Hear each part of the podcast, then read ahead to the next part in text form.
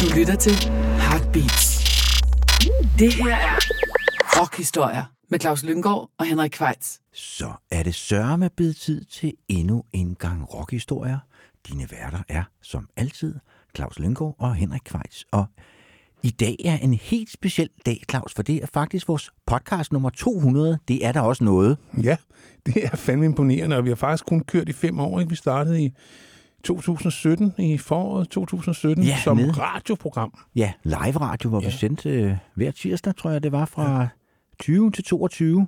Og der var det live, som så blev lagt op som podcast bagefter. Det var nede i Kødbyen, og det var på en bar, og jeg ved ikke rigtig, hvad bagtanken var, det, for det var altid sådan lidt baggrundsstøj, og det var det der mikrofonindstillinger, havde vi heller ikke helt styr på nu, så man, man kan godt høre, når man hører de første udsendelser, at vi er i den famlende fase. Lad os bare sige det sådan, at vi havde også gjort det besværligt for os selv, fordi vi purister, som vi var, jo insisterede på at spille pladerne fra vinyl, Ja, ellers, eller, eller CD, hvis vi ikke havde dem på vinyl. Ja. Men Og det gik også nogle gange helt galt. Ja. Altså, så, var det, så kom der et nummer, så må man bare med det nummer, der kom ud, og hovsa, hovsa, hovsa. Og der var også meget sådan adrenalin øh, indover. Vi var helt oppe at køre. Man var fuldkommen udmattet bagefter, fordi at der kunne man ikke tillade sig... Altså, det var alt røg ud i luften. Så hvis man lavede en bøf eller noget, så var det bare sådan. ja, ja, de blev ikke klippet. Øh, Nej. det begyndte de så at blive, da vi flyttede ned til studiet i Værndoms, på Værndomsvej. Ja, hvor, som jeg rigtig godt kunne lide, øh, selvom det ligesom her var fuldt varmt om sommeren, øh, hvor vi også fik en fast tekniker på, så vi ikke selv skulle ødelægge det hele, hele tiden. Jeg kan huske en, jeg lavede, da du var ude at rejse i Portugal. Jeg lavede en, der hed Jesper Sieberg inde, hvor der gik en, en fyr i gang med en boremaskine på den anden side af væggen. Og, og så René, han får en, øh, og det var jo dengang, vi lavede live radio. Ja. Om han ikke godt ville stoppe, nej. Nej, nej det, var så på, det var ikke på Værndomsvej, det har så været på... Nej, det var øh, så ude, på, ude i Ja. Venova, som jeg tror, det hed. Ja, fordi da vi begyndte at sende derud, der begyndte det jo også, så holdt vi jo så op med at sende live, så, så vi lavede podcast, og så blev de faktisk klippet bagefter Ja. og alt muligt. Ja, Og, ja, meget og vi begyndte at spille musikken digitalt, fordi det var også det var noget med kode, og musikken skulle købes og lægges ind. Og, Ja. ja. Det blev noget mere øh, formaliseret. ja. Og nu sidder vi så på Prags Boulevard. Ja, Øh, øh. et sted et stykke tid. Og der skal vi også snart flytte fra. Ja.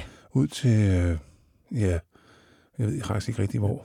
Ud til der. Alderkoncernen, som ligger Ja. ude ved, derude ved Cykelbroen. Jeg er ude lige ved Fisketåret. Ja, det er rigtigt fisketår. Ja. Ja. Så vi har prøvet lidt af hvert, og vi mm. Kan du huske, hvad, hvad, vores første udsendelse var, Claus? rock and roll. Var det det? Vi startede simpelthen Vi startede med... ikke med vores yndlingsnummer, hvor vi skulle spille Jo. et nummer fra hver årti, et nummer fra 50'erne, et nummer fra 60'erne, et fra 70'erne, 80'erne, 90'erne, 0'erne og så videre. Ja. Jo, det er rigtigt. Det var vores allerførste. Det var jo ikke nemt at finde et yndlingsnummer for hvert årti. Og der måtte man altså bare tage nogle benhårde valg. Ja. Jeg kan ikke engang huske, det var meget sjovt at se den der spilleliste, den må ligge et Jeg kan sted. huske, at jeg fik Dylan, og du fik Bowie, var det ikke sådan? Ja. Jo, det tror jeg, så var sådan, Ja. det var. Ja. Jeg var nødt til at dele porten. Ja, det var vi, ja. Ja. Øhm, ja, men jeg kan faktisk ikke huske, jo, så jeg ved, at... Ja, jeg kan huske, at jeg havde et nummer med Beyoncé fra 0'erne, tror jeg. Ja. Ja, jeg kan ikke huske det. Nej, men Ja. øh, vi håber i hvert fald at få lov at lave 200 podcasts mere. Ja. Og det kræver jo blandt andet, at I går ind og støtter os derinde, ja. Som vi plejer at bede om, ind på heartbeats.dk og finder støtteknappen og støtter, fordi ja, det har vi brug for for at finansiere det her foretagende. Og, Det er det eneste måde, det kan lade sig gøre Ja. ja. på, ja. I disse for vort land så slibrige tider. Og så har vi jo en tradition, når vi har runde fødselsdage, både da vi fyldte 50, 100 og 150. og nu 200. med. Ja, vi skal spille kunstnere, vi aldrig har spillet før, og vel at mærke kunstnere, som vi godt kan lide. Ja, Altså. også, ja, ja. Øh, og, øh, Og det er alligevel, altså, som sagt, det er nummer 400, eller 200, der, og de var jo mindst to timer hver, så det er i hvert fald 400 timers podcast, der ligger derude. Der har man trods alt nået at spille noget musik, Claus. Det har vi, og alligevel er der så noget, vi har misset. Og det har vi så, vi har så hver valgt 10 numre fra øverste hylde, Ja. med bands eller solister, som vi synes, vi godt vil Slå slag for. Ja. Ja. Og øh, du har været meget sådan op på det nyeste, synes jeg. Øh, der er rigtig meget af dine, der er fra 10'erne og ja, 20'erne faktisk Ja. også. Øh, måske fordi du arbejder i en pladebutik, du er hører øh, de nye ting. Det er meget ny musik, ja. Ja. Men jeg har så øh, valgt sådan lidt ældre ting. Jeg har så også et på nyeste, men jeg tror, det nyeste, jeg har med, det er fra 2014, kan det være rigtigt, ja.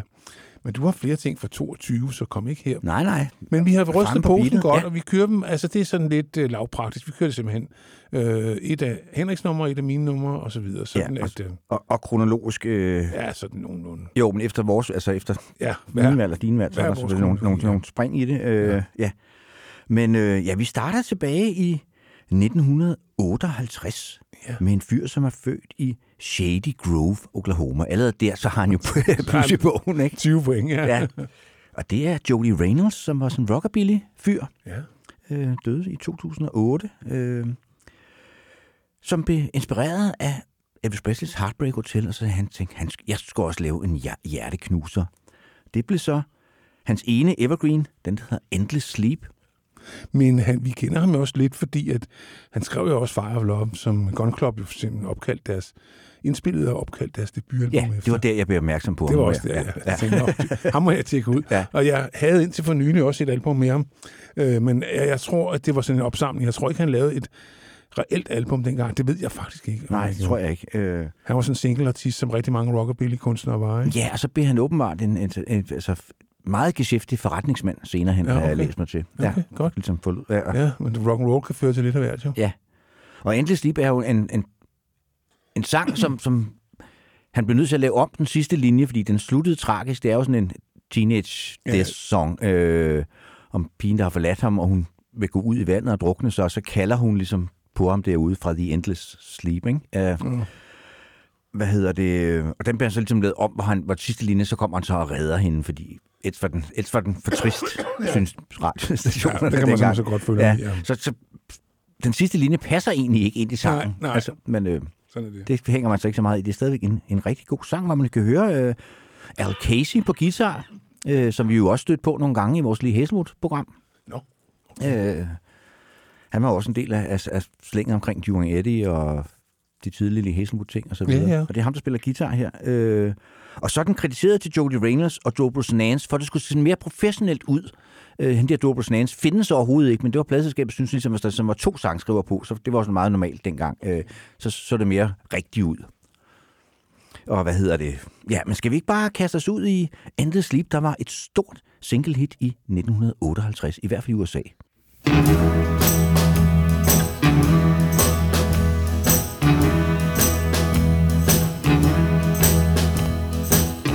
The night was black, rain falling down.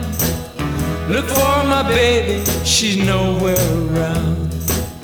Traced her footsteps down to the shore. Afraid she's gone forevermore.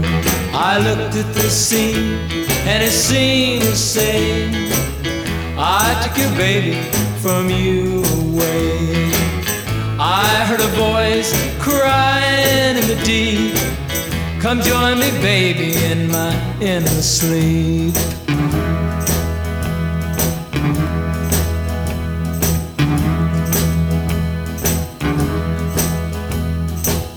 Why did we quarrel? Why did we fight? Why did I leave her alone tonight? That's why her footsteps ran into the sea. That's why my baby has gone from me.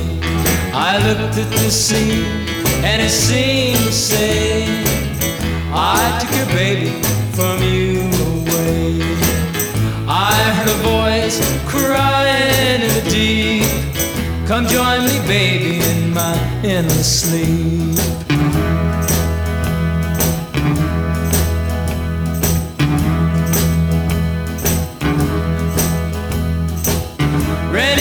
Water, heart full of fear. There in the breaker, I saw her near. Reached for my darling, held her to me. Stole her away from the angry sea. I looked at the sea, and it seemed to say, You took your baby from me away. My heart cried out, She's mine keep. save my baby from an endless sleep, endless sleep, endless sleep, endless sleep. Endless sleep, endless sleep. Endless sleep med Jody Reynolds, som sagt fra 1958. Og vi øh, springer ja, 11 år frem i tiden til 1969 er det nummer, som du har valgt. Ja, og det er jo så et band, jeg har en en svaghed for, og som nu vi snakker om, det er jo egentlig underligt, at vi aldrig har spillet dem før, for du kan jo også godt lide dem. Jeg kan især de to første, Ja. uh, Music from a Doll's House, og så den, du har valgt nummer fra deres anden plade, den der hedder Family Entertainment. Ja, og Og, så jo kan jeg egentlig også meget godt lide den, jeg kan ikke huske, hvad nummer af rækken er, men den der hedder Bandstand, den er- der har lavet ligesom sådan en radio-cover. Altså, både fordi jeg købte den, fordi jeg synes, coveret var cool i sin tid, er men, øh, cool, ja. men pladen er ret god, der, men der er de sådan mere amerikaniseret, end de er ja. her. Altså, det her er jo den oprindelige besætning med Roger Chapman spiller i vokalfront, og Rob Townsend på trommer, og så John, som det kaldt Charlie Whitney, på, på guitar, som er de tre, der går igennem bandet. Så har de en, en udskiftning af... Ja, Rick Gretsch går jo over øh, og lidt danner Blind Faith. Øh, Ja, det er jo nok ikke ham, der danner nej, nej, han, men han, han kommer med, med, i- Blind ja. Faith, som var sådan et, det, man dengang kaldte en supergruppe med, med Ginger Baker og Eric Clapton og Stevie Winwood, som kunne lave en enkelt plade, fordi at ingen kunne holde ud at være sammen med Ginger Baker ret længe ad gangen. Uh, han skulle have været simpelthen så frygtelig. Uh, og så Jim King, som spiller saxofoner, og da han går ud, så forsvinder saxofonen også ud af deres musik. Ja. Og det er lidt synd, fordi at det var noget med, der var, han spiller også fløjt, der var med til at gøre dem specielle.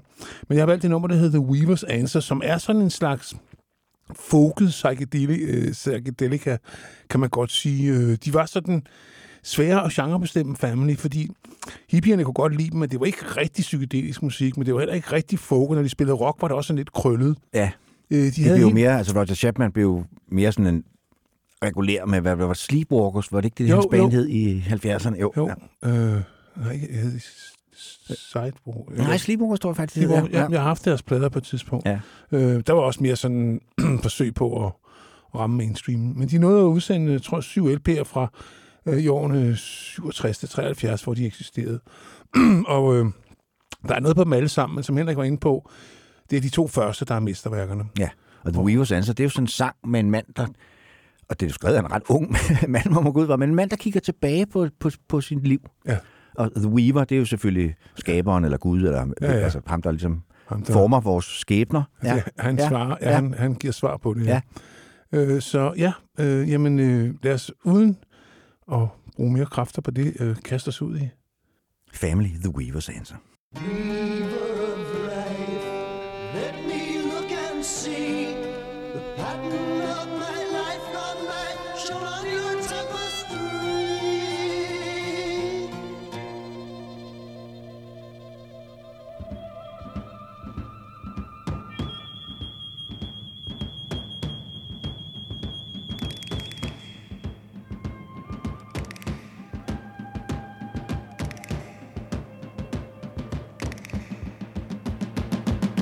Just for one second, one glance upon your loom. The flower of my childhood could appear within this room. Visit of my youth show, tears of yesterday. Broken hearts within a heart as love first came my.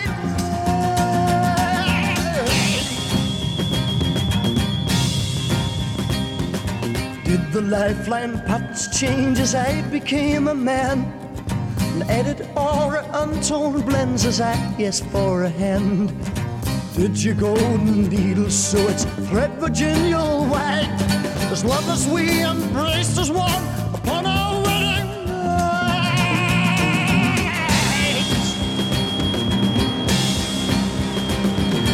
Did you capture all the joys, the birth of our first son? The happiness of family made a brother for the one. The growing of the brothers, the manliness that grew. Is it there in detail? Is it there of you?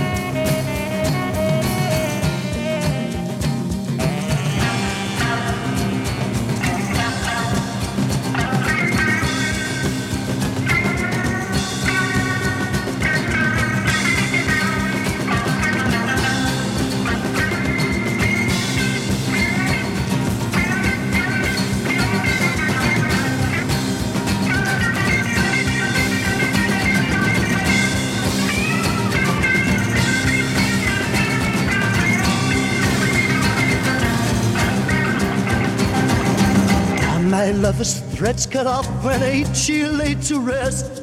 My sorrow blocking outer space upon now woven crest.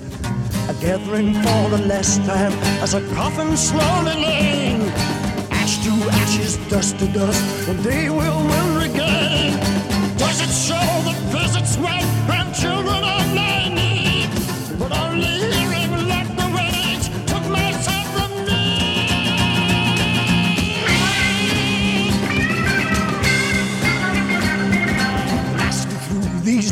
few years of loneliness maybe does by sight a shooting star fade from your tapestry. Think there in the distance your loom I think I see. Could it be that after all my prayers you've answered me? After days of wondering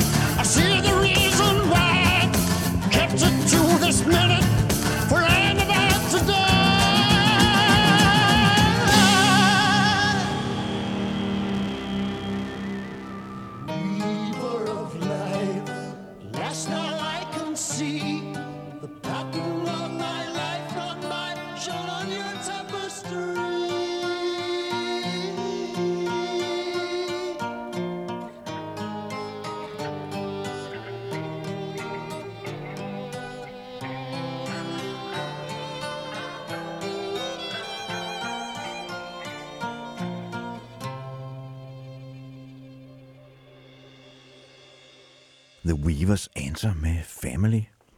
Og så øh, kommer der endnu et spring i tid. Nu skal vi se nummer, jeg har valgt fra 1998. Ja, en plade, som jeg faktisk ikke kendte, Timepiece med Terry Callier. Jeg kender mest hans 70'er ting, øh, faktisk. Øh, Ja, han hvad hedder det, debuterer jo i 1968 med The Folk Sound of Terry Callier, som er en fremragende plade. Som vist havde ligget over i fire år eller sådan Ja, noget. Øh, som er sådan en, en folk sound, men der er også allerede noget soul ind over det, og lidt jazzet ja. Ja. er der også, og så videre. Og så laver han jo tre fantastiske plader i begyndelsen af 70'erne, hvor de fleste måske kender, eller hvis de overhovedet kender Terry Callier, så er nok den, der hedder What Color is Love, som er helt fantastisk. Ja. Fedt cover med sådan en En sort kvinde. sort kvinde, der sidder i en stol og ryger en smøg udenpå, og ser sådan lidt meget smuk, men også ser lidt livstræt ud. Ja. Øh, Ja, mens hun spekulerer over, hvilken farve kærligheden har. ja og den er, i, i, den er blå, tror jeg, i det her tilfælde. Ja. Øh, og så, så, øh, så trækker han sig tilbage i 83. Ja, han, øh, får, han, får, han får, hvad hedder det, sin øh, øh, custody, hvad hedder det på dansk? Øh, forældreretten over til Til sin, sin datter, datter, ja, ja. og så tænker han, at han hellere må få noget fornuftigt at tage sig til, og så bliver han computerprogrammør og bliver ja. ansat på universitet,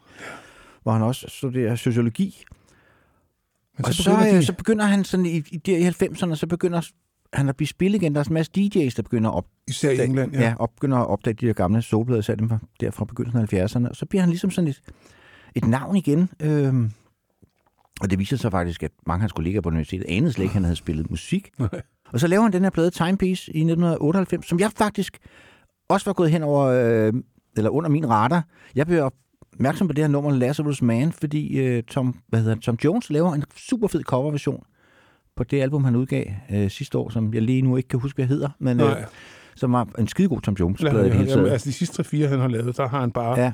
lavet det, han har haft Og lyst så til. gik jeg selvfølgelig tilbage og tjekkede originalen ud, og den synes jeg så faktisk nærmest er endnu bedre. Ja. Øh, Jeg så en, øh, så jeg googlede så det her øh, album, og der var en anmelder, der sådan kaldte øh, 90'ernes øh, øh, Astral Weeks, og det er der lidt om. Ja. Altså, den har lidt den der samme drømmende... den hedder også Timepiece, og den fik faktisk en fredspris af FN. Okay, Intet mindre end jeg for ligesom at, at sprede okay. øh, fred i verden. Ja. Ja, ja.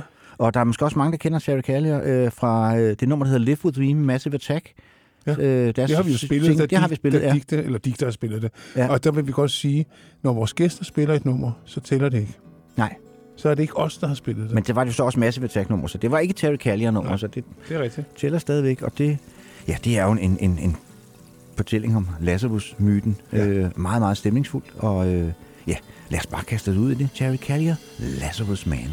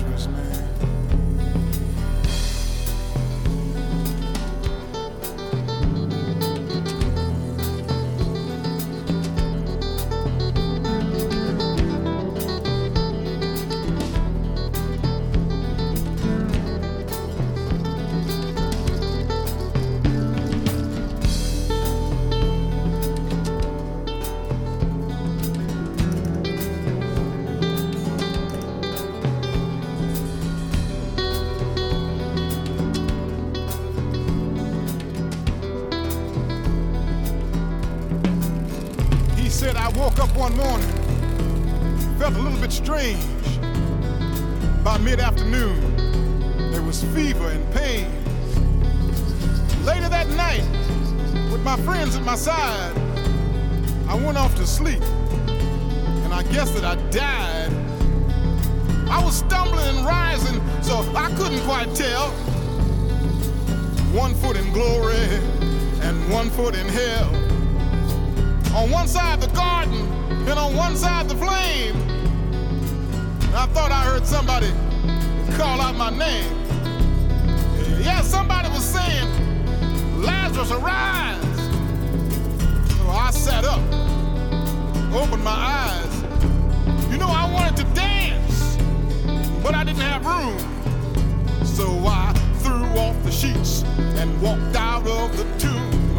And it's wind on the ocean, rain on the land. Three drops of water, grain of sand. I'll tell you the story as quick as I can. I got nothing but time. Lazarus, man.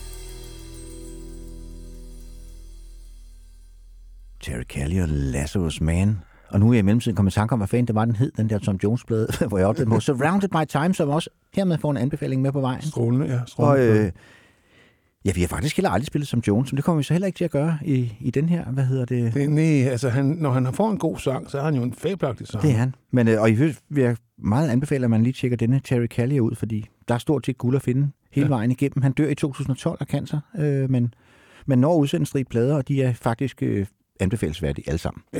Der, han, er meget, han er meget konsistent. Nu skal vi så tilbage til 1970, og vi skal tilbage til et, et af de der bands, der kun udsendte en plade, og man kan kunne blive lidt forbandet over, at de ikke kunne få lov til at, at lave på stykker til, fordi der var, det var virkelig lovende. Det var et band, der hed Fothering Gay, som blev dannet af øh, Trevor Lucas øh, og Sandy Denny, som var blevet kærester, eller forelskede i hinanden. Øh, han havde været inde og spille noget percussion på, hos Fairport Convention. Han kom fra en gruppe, der hed Eclection.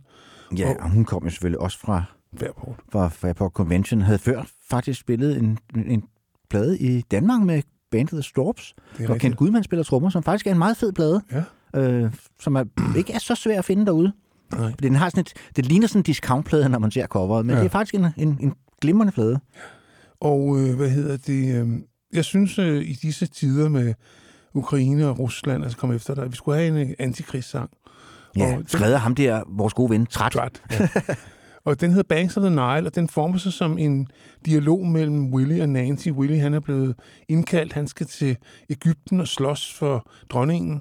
Og Nancy siger, jamen, så vil jeg med. Altså, jeg vil ikke, øh, jeg vil ikke miste dig. Og så siger han, jamen, det kan du ikke se, hvor smalle dine håndled er, og hvor fin din talje er, og du vil smelte i den egyptiske sol on the banks of the Nile. Så det ender med, at han tager afsted alene. Og det er altså ikke en sang, der, det er ikke en, og der, så siger hun jo også, øh, tænk på, hvor mange færhattet mænd, som krigen har taget fra, fra os. Og det er jo, ja, det var egentlig slet jo også inde på, altså det meningsløse i det, hele det der Ja, og det er ikke blevet, det er ikke blevet mindre meningsløse. Nej, ja, det er bestemt ikke. Ja, hvad hedder det? Øh, Og Sandy Denny døde jo også selv øh, blot 31 år gammel i det. ja, hun faldt ned ad trappen, slår Ja, det var så åbenbart sådan en ting, hun havde med, at hun var sådan lidt opmærksomhedskrævende, så hun øh, en gang imellem, så kastede hun sig ned ad trapper. Nå, Øh, altså- gjorde det. Hvad hedder det? Så øh, hun begyndte at få flere og flere indekvistelser, så, så det var simpelthen bare en gang for meget, hun faldt ned ad Og trappen. hun var jo altså også en og så var hun dybt alkoholiseret. Ja, ja. Så, ja. Hvad hedder det? Men øh, det skal ikke tage noget fra. Following Gay var et glimrende band, og pladen, som bare hedder Following Gay, er også en rigtig, rigtig god plade. Og, vi skal, og det, er en, altså, det her er en og top, produceret, top vokal performance, vi Ja. får her. Altså, hvem producerede den, siger du? det er Joe Boyd, som... Ja. Øh, Nå, han, han kunne jo ikke med Trevor Lucas. nej, Så det var en af grundene til, at de mener, der, at der blev lavet grundspor til en toer. Men den blev, aldrig, den blev så gjort færdig. Ja, den blev udsendt i sin 2008 Ja, ja, ja, eller et eller andet, ja, og ikke øh, nær så god. Det var Nej. faktisk, jeg tror bare, at brudet med Following Game var en af grundene til, at Joe Boyd til, til USA og Ja. ja. begyndte at arbejde for Warner Brothers. Ja. Han var jo ellers en af de store producer, øh, bandet på Island Records og med Nick Ja, Drake Han havde, og han havde et produktionsselskab, der hedder Witch Ja. Season. Det er rigtigt, ja. Men Bands, øh, ja, det kan være, vi kommer til at høre mere om ham i en kommende podcast. Det ved man aldrig. det ved man ikke. Nej, men øh, vi skal høre the, den traditionelle, traditionelt, det betyder, at det er en gammel folkesang, og man ikke rigtig kender øh, oprindelsen til Ja. den. Men øh, hvem der nu end står bag den, har gjort et godt stykke arbejde. Banks of Nile.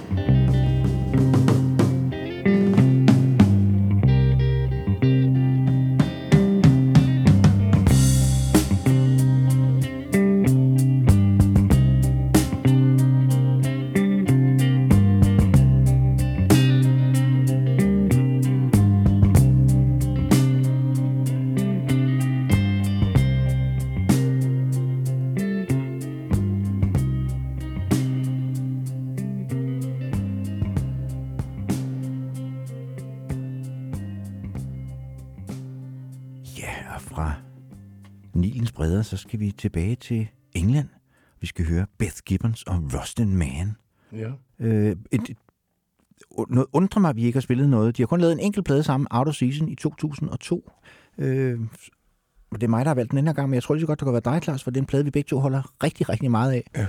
Beth Gibbons, hun var jo, eller er normalt sanger i, i, i Portishead, og Rustin Man er også kendt som Paul Webb, tror jeg, der står på hans dåbsattest, og var øh, med i bandet Talk Talk, ja, som vi jo også holder meget af. Ja, ja. Sikkert. det hele hænger sammen, Ja. ja. Henrik. Øh, og øh, de, Ja, de udgav så en enkelt sammen, en plade sammen i 2002, som er sådan lidt mindre trip-hoppet, end, end Portishead normalt er. Øh, trækker på ja, folk-tradition og så videre, men der er jo også masser af elektronik ja, ja, indover. sikkert. Øhm, og så får hun altså virkelig lov til at folde sig ud som sangerinde. Beth Gibbons, jeg synes, hun er en pissegod sangerinde. Jamen, det er ingen Ja. ja. tvivl om, at hun virkelig stikker virkelig dybt, ikke? Øh, og øh, jamen, det er også en plade, som, øh, som står rigtig godt her 20 år efter. Den er lige så god, som den dag, den udkom, synes jeg. Ja, den er også sådan, altså for at bruge en kliché, tidsløs. Der, er- den, den, kan, den er sådan svært Mm, tidsbestemt. ja. Den lyder Øh, ikke specielt 2002-agtig i hvert fald. Nej, den kom, og den kunne ikke lige så godt være kommet i 2022. Ja. Øh, og når vi nu er i gang, så kan jeg da også lige stå slag for, at Rustin Man har også udgivet to plader i eget navn, som Ja. også begge to faktisk er ret gode. Jeg har ikke Især, den, især den første af dem er ja. virkelig god. Ja. Den orange der. Ja. ja. Så ja, lad os høre Tom the Model med Beth Gibbons og Rustin Man. How can I forget your tender smile? Moments that I have shared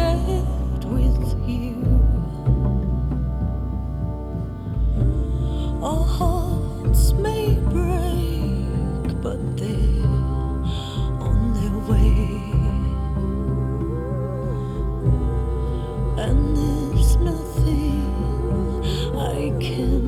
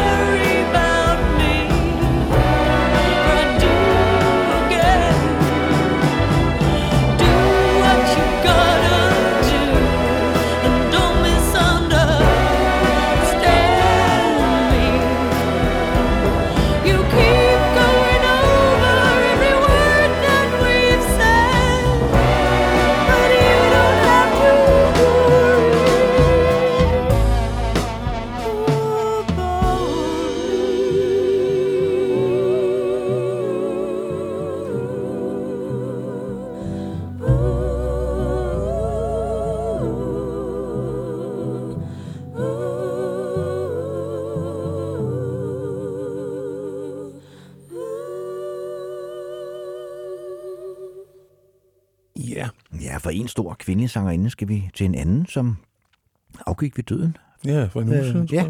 i en alder af 90 år, så det er, vel, det er vel okay. Men det er faktisk ikke derfor, vi spiller hende, fordi du havde faktisk proppet hende på, på din liste, inden hun døde. Ja, og det det, er, jeg. det er selvfølgelig den store Loretta Lynn, vi snakker om. Og det er ja. også sådan en, der undrer mig at tænke, hvordan fanden har vi undgået hende? Det forstår jeg, det forstår jeg så heller ikke, men altså, jeg er ret sikker. Og hvis bare for ligesom at, at sige, for at slå hendes format an, ikke? 24 nummer 1 hits og 11 nummer 1 LP'er. Det er da også noget. Det er da også noget, må man sige. Og hun var jo Hun lavede også meget fin comeback-blad her for nogle år siden, produceret af Jack White. en Leo Rose, Ja. i 2004. Ja. Men hendes storhedstid var jo 70'erne. Ja. Der var hun jo the queen of, øh, ikke bare country, men også altså i det hele taget. Og hun var længe undervejs, kan man sige. Hun får en pladekontrakt allerede i 1960, da hun er ganske ung. Øh, men skal ligesom spille sig op, altså leverer faktisk varen fra starten. Og en glimrende sangskriver er hun. Øh, men får først et gennembrud i 67, øh, Don't Come Home Drinking with Loving On Your Mind. Ja. Ja, og Hun det var var- også sådan tidlig, øh, altså feminist. Ja.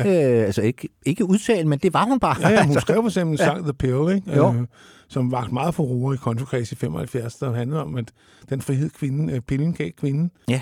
Øh, Der er faktisk lavet en ret fed dokumentarfilm også om, eller ikke en dokumentar, men en spilfilm, der hedder Coal Miners Daughter, ja. som også er opkaldt efter et af hendes store hit med Sissy Spacek, i, ja. som over- overhovedet ikke ligner Loretta Lynn, men det er ret lige meget, for hun spiller så godt, så det, det ja. æder man bare den præmis der. Ja. ja, ja, og, der, hun er en, hun er kulminearbejderdatter. Altså, hendes far døde af den der kål, man får af at være i, ja. i, i de der Så kulminer. sidste real deal. Det må man sige. Ja, det nummer, du har valgt, Claus, Once on the Way, jeg har jo ikke skrevet hende selv, det er Shel Silverstein, som vi også har øh, spillet. Men hun gør, det så, gange før, altså, ja. det, hun gør det så meget til sit nummer. Det er faktisk mere end en, en, en, en sang, det er en performance. Hun er den kvinde, der med alle de der børn, der løber grædende rundt, og manden, der sidder nede på uh, The Tavern, og det er, en, uh, det er et teaterstykke, altså et lille bitte teaterstykke. Ja. Øh, Fortællinger, der er Once on the Way, det er selvfølgelig, fordi der så er endnu et barn på vejen, ja. og hun slutter med at sige, jeg håber det ikke, det er tvillinger. Tvillinger igen. ja. ja. Og det er sådan, man kan læse den på flere måder, fordi man kan både læse den som en hyldest til husmoren, øh, men Ja. man kan også læse den som en kritik af, af den der rolle, hun bliver- fordi det er også noget, hun sidder og drømmer om, hvor fedt Elizabeth Taylor og Jacqueline, Ja, øh, Welch, ja. ja, og Jacqueline Kennedy og alt det, der, det liv, de lever, ikke? Ja, ja. Øh, men det kan også læses som om, at hun- hendes er måske mere ægte liv. Altså, den, man, den kan tolkes på Hun begge er i hvert måder. fald meget solidarisk med karakteren, Ja. hun synger. Og det var uh, Shel Silverstein jo generelt også. Ja. Ja. Altså, Ballad of Lucy Jordan er også Ja, ja, ja. ja. andre store numre, ikke? som også er en tragisk kvindefortælling. Ja. jeg. jeg synes ikke, det her det er tragisk. Nej, det er det det, det, det vil jeg ikke sige, men Nej. altså, Nej, for det er også lidt, det er også lidt humoristisk. det er meget humoristisk. Ja. Øh, hun, hun, hun er også sjov, Loretta. Altså, det er, ja, det er bare sejt. og Det kommer ja. nemlig Lad her. os tage en tur til Topeka, Kansas med Loretta Lynn.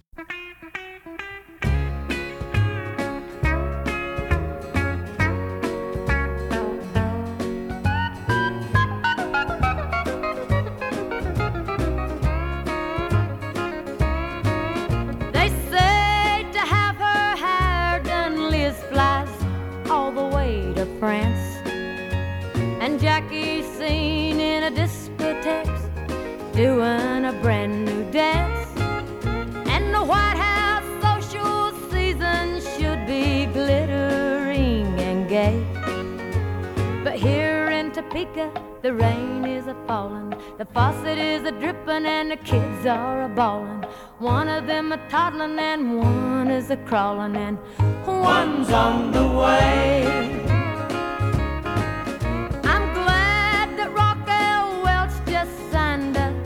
Million dollar pact. And Debbie's out in Vegas working up a brand new act. While the TV showing newlyweds a real fun game to play. Here in Topeka, the screen doors are banging, the coffee's boiling over, and the wash needs a hanging. One wants a cookie and one wants a changing, and one's on the way. Now what was I doing? Jimmy, get away from there. Darn, there goes the phone. Hello, honey. What's that you say? You're bringing a few old army buddies home? You're calling from a bar? Get away from there. No, not you, honey. I was talking to the baby. Wait a minute, honey. The doorbell. Honey, could you stop at the market and. Hello? Hello? Well, I'll be. The girls in New York City, they all march for women's lib. And better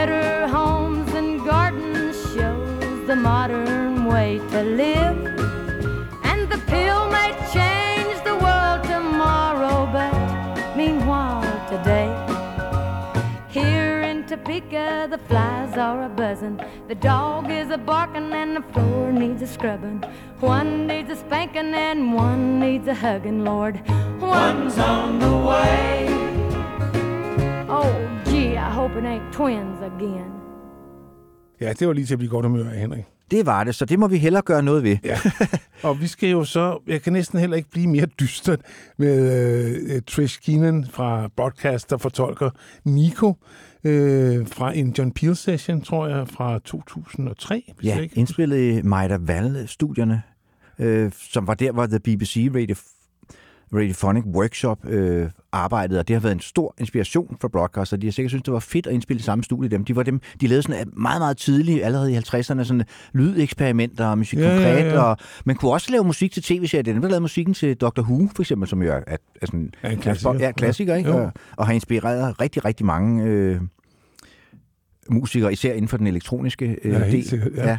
Og broadcast er jo også inspireret af, af sådan fransk øh, popmusik, og det kan vi jo også godt lide. Ja. Der er jo sådan noget Gainsbourg over dem også, og så Ja. videre. Øh, Og det var jo, det var grundlæggende en duo, der bestod James Cargill, og, og så hende der Trish Keenan, der jo døde ung. Hun blev kun 42. Hun, hun fik lungebetændelse. ja, hun fik simpelthen svineinfluenza på en tur i Australien, og så døde hun efterfølgende af lungebetændelse. Ja. Ja, det er altså what a way Ja. to go.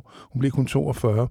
Øh, og de lavede, øh, de var lang tid om det, de lavede kun tre øh, albums. Det sidste hed Tender Buttons, og man kan godt sige, at det her er lidt et forstudie til den stemning, der hviler. Det var sådan deres mest øh, sangorienterede album af Tender Buttons. ja. Og, Det er en ret god øh, compilation, den der hedder Maida Val Session, som kom i, hvad hedder det, 2020, øh, eller 2022 udkommet i år, men øh, nummeret her er så indspillet i 2003, Ja. Og har vist været ude på CD før. Øh, hvad hedder det? Hvor, hvor der er fire forskellige John Peel sessions, hvor man ligesom kan følge banens udvikling. For de Nå ja. starter sådan lidt mere eksperimenterende, og så bliver de faktisk Mere, mere og mere sangorienterede. Og det her, det, 64, det er jo så et Nico-nummer fra albumet Drama of Exile, der kom i 1981, som jo er jo sådan lidt en sang om depression, sådan læser jeg den lidt. Ja. Øh, og, og, og, også længst tilbage i tiden, fordi der var noget med den, hvor hun var, dengang hun var berømt i Lower East Side, Ja, ja, ja. Manhattan. Det er jo nok tilbage til Factory-tiden, hun Ja, tænker det på. Ikke? siden, Ja. ja. ja. Ja, Og den sidste, 60-40, hvad betyder det? Ja, det er ligesom om chancen for, at hun nogensinde får det godt, er 60-40, altså Ja. ja. i, i depressionens favør. Lad os sige det os sige sådan. det sådan, men, men ja. den er lidt gådefuld, men jeg synes, de gør det rigtig, rigtig, rigtig godt. jamen, det er, det, er, det jeg synes, det er en spændende, spændende fortolkning. Øh, så Ja, lad os kaste ud i den. Broadcast anno 2003 6040.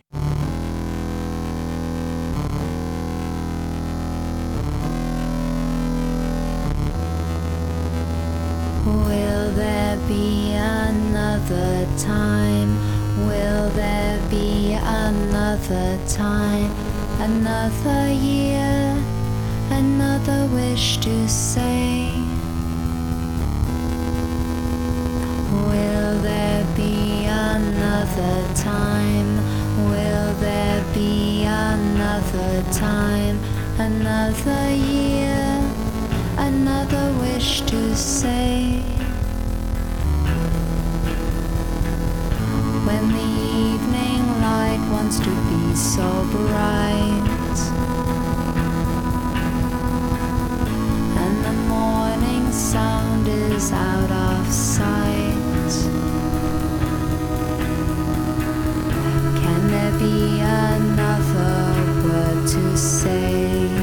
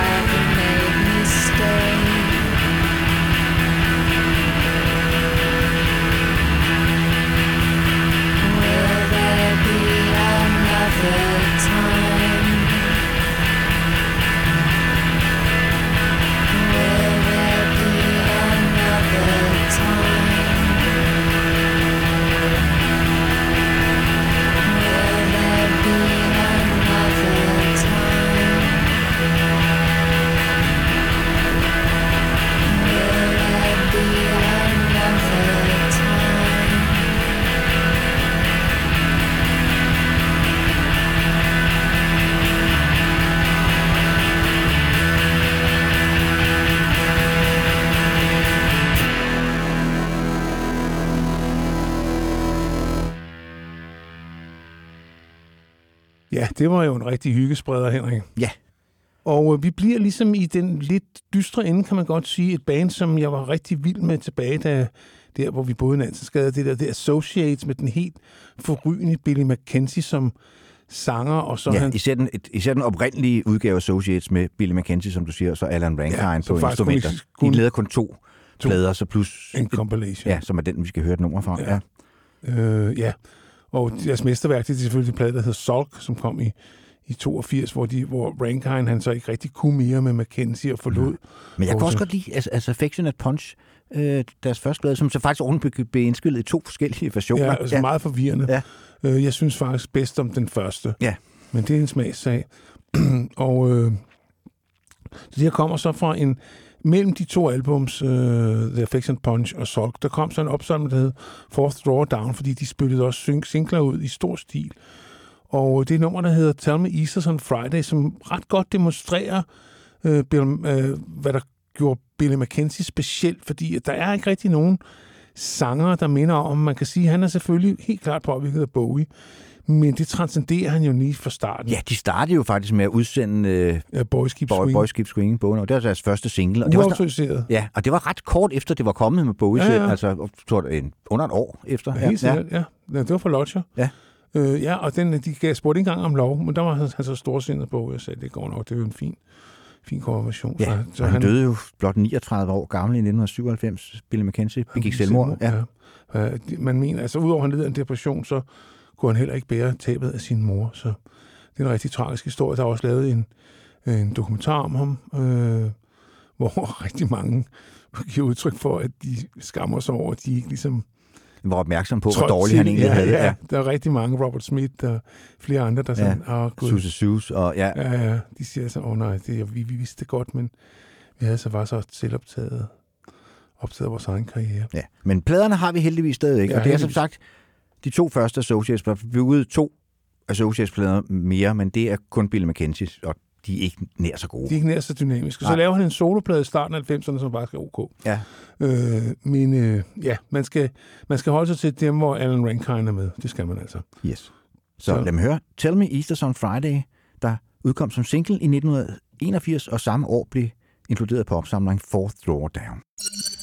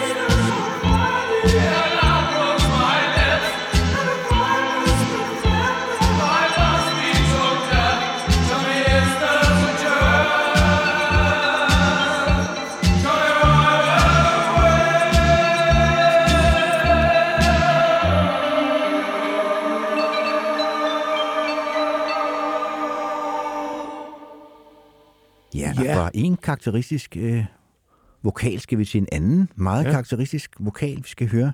David Sylvian, som vi godt nok har spillet før i, som en del af hvad hedder det, bandet Japan.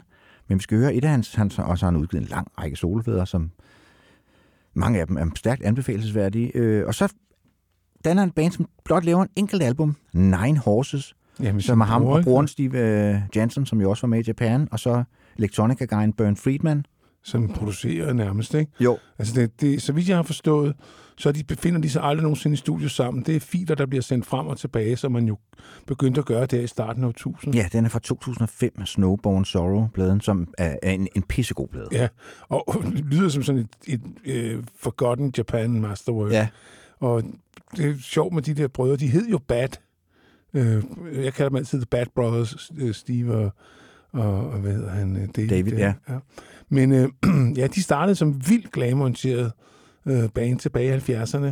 Uh, kom på et tysk selskab. Uh, det, deres presningerne var altid enormt dårlige af, de der, af deres plader, Ja. fordi at det var sådan et billigt tysk selskab, jeg kan ikke huske, hvad det hed, før de kom over på Virgin og lavede deres mesterværk derovre, Tin Drum.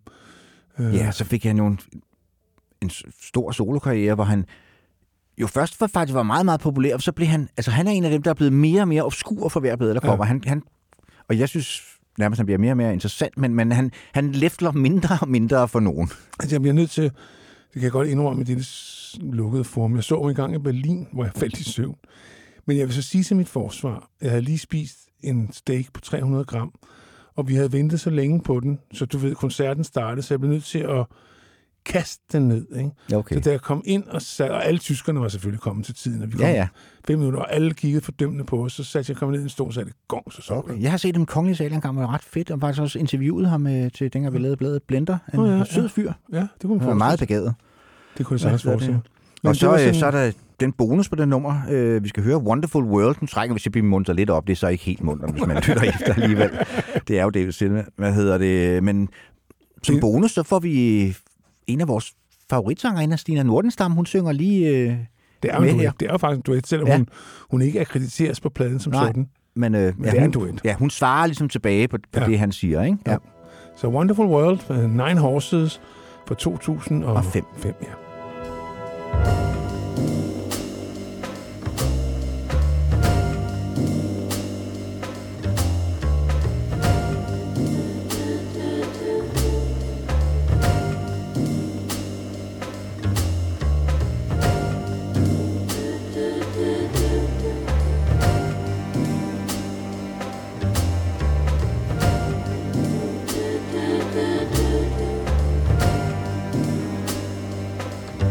It's a wonderful world, and you take and you give, and the sun fills the sky in the space where you live.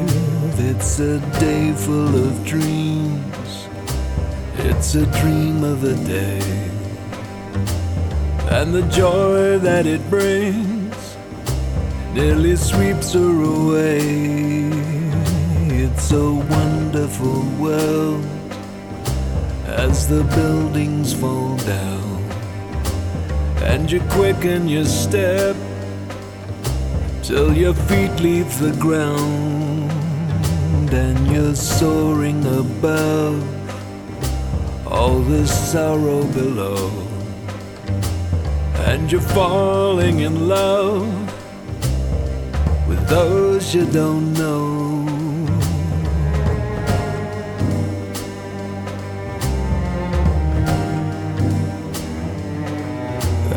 Your heart feels so wide, and your heart feels so strong. It was never a place that you felt you belonged. It's a wonderful world full of wonderful things. And the people fall down and abandon their dreams.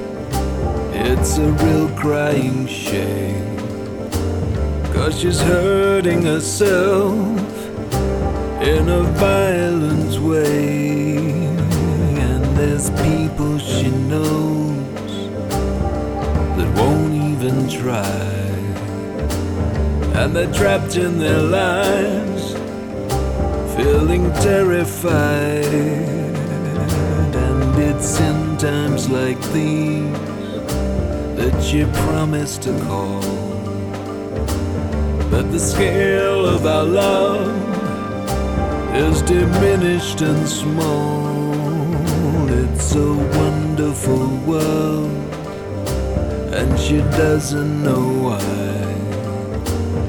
She wakes up each day and continues to cry.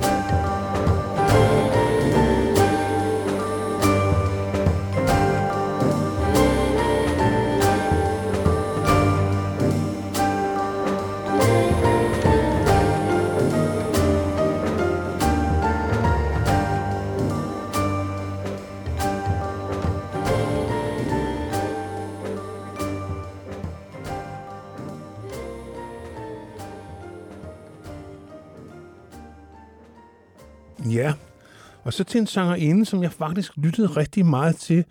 En overgang. Øh, lige der i midten af 90'erne var jeg meget optaget af hende, og der udsendte hun nogle plader på Blue Note, som jeg, som jeg rigtig godt kunne lide. Ja, det her det er hendes andet Blue Note-album, Ja. New Moon Daughter. Hun havde indspillet en stribe plader fra et andet øh, pladeselskab før, men det var også først, da hun kom på Blue Note, måske fordi der var mere presse omkring hende og sådan noget videre, at jeg opdagede hende. Ja. Og hun er, ja, hun er vel en jazzsangerinde?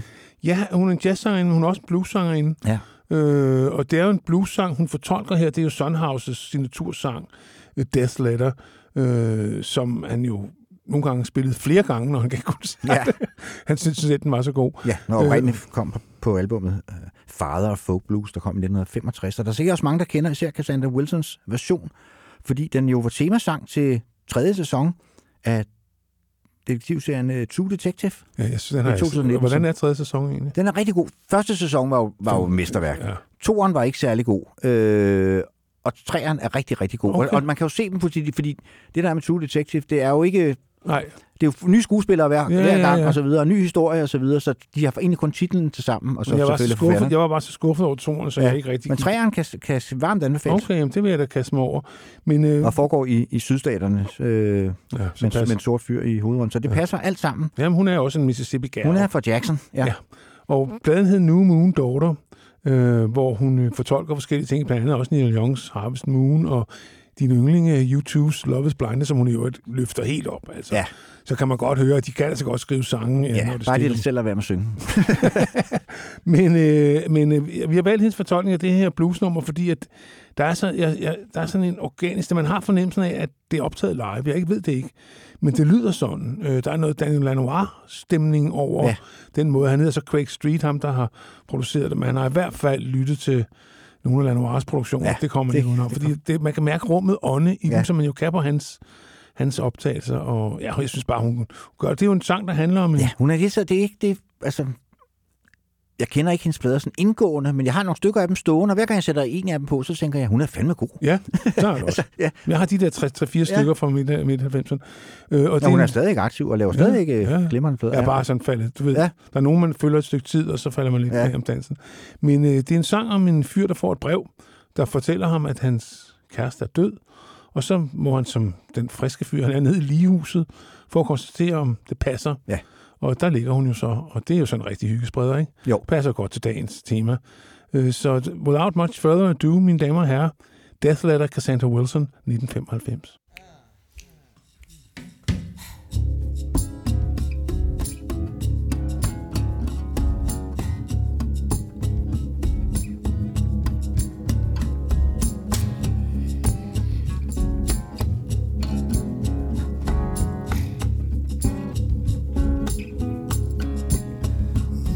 Got little this morning. How do you, you reckon it rates?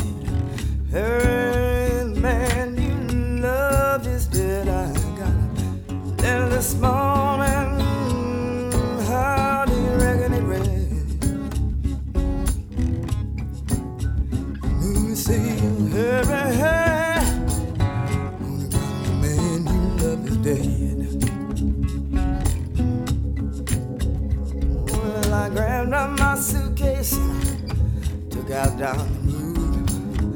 When I got there,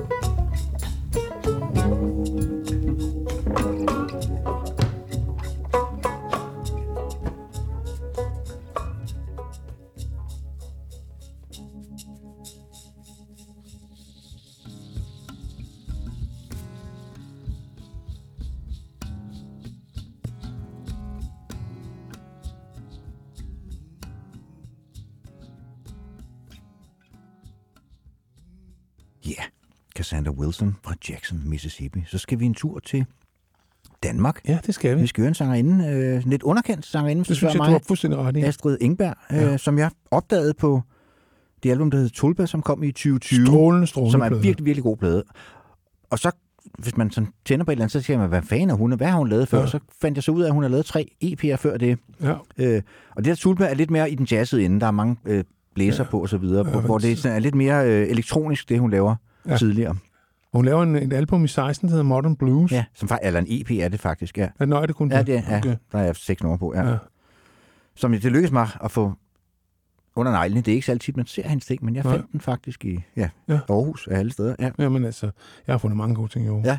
Og du valgte et nummer, der hedder Beat Up Power of an Army, og det er sådan, øh, det er virkelig en modern blues. ja, det er det. Altså, det er sådan meget sjovt. Nu har vi ligesom med Sandra Wilson, der har vi været helt ude i traditionen. Øh, men sådan kan det altså også gøres. Det kan også gøres elektronisk og moderne og stadigvæk være en blues. Ja. Så de to numre øh, taler sammen, synes jeg, på en Det eller anden måde. Så ja, lad os høre Astrid Ingberg er nu 2016 Beat Up Power of an Army.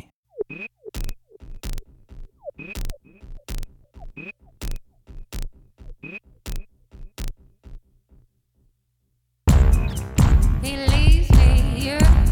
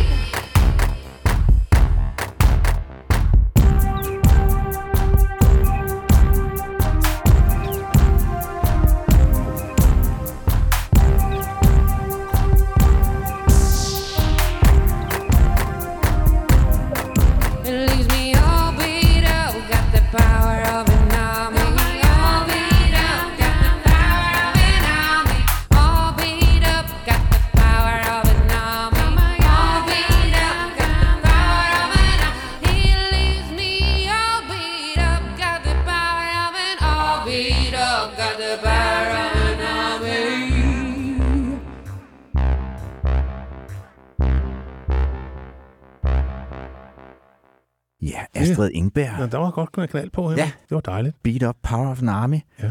Skal vi over til et nummer, du har valgt, og nu spillede vi jo Broadcast tidligere, som jeg havde valgt. Øh, Og man kan sige, hvis de har et søsterorkester broadcast, ja. så er det vel Stereolab. Det må man sige.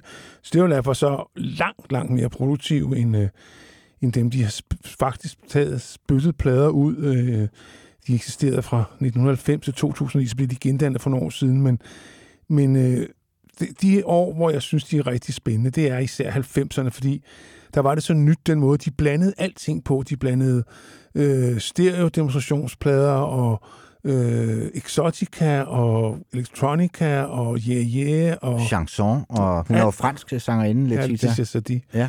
Og så Tim Gane hedder Det er fyren, de ja. to, der ligesom kørte.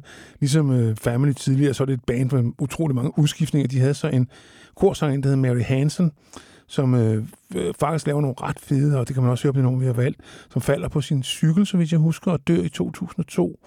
Øh, og det var ligesom om, at hun tog lidt af stjernestødet med sig, da hun, da hun døde. Men gruppen besluttede sig så for at fortsætte uden hende. Hun Ja, og det er, at du har så valgt et nummer på det album, der hedder Dodson Loop, som sammen med det, album, der kommer før, Emperor Tomato Ketchup, nok er mine to favorit Stereolab-plader. Jamen, det kan jeg godt forstå. Det er Ja. ligesom der, det piker. Ja, det er også der, de bliver, hvor de, hvor de formår at forene det Ja. der eksperimenterende, så, altså de er meget eksperimenterende til at starte med, med det mere sangbare, det kan jeg godt lide. Ja. Og det er, altså, det her burde jo have været et hit. Ja. Altså, den... Øh, Miss har- Modular, ja. Ja. Produceret af John McIntyre for Tortoise i øvrigt. Ja. Ja, nå, det vidste jeg så ikke. Ja. Øh, smuk, skide godt produceret. Ja. Ja. Og, Og, vild, og, og, faktisk den første plade, de indspiller digitalt på Pro Tools, kan jeg så fortælle dig. Ja. ja, ja, du ved også alt det, Ja. ja. Henrik. Jamen, øh, så ved vi det. Og Ja. ja. øh, jamen, jeg synes bare, det er, det er pop, når det er bedst. Så Stereolab Miss Modular anno 1997.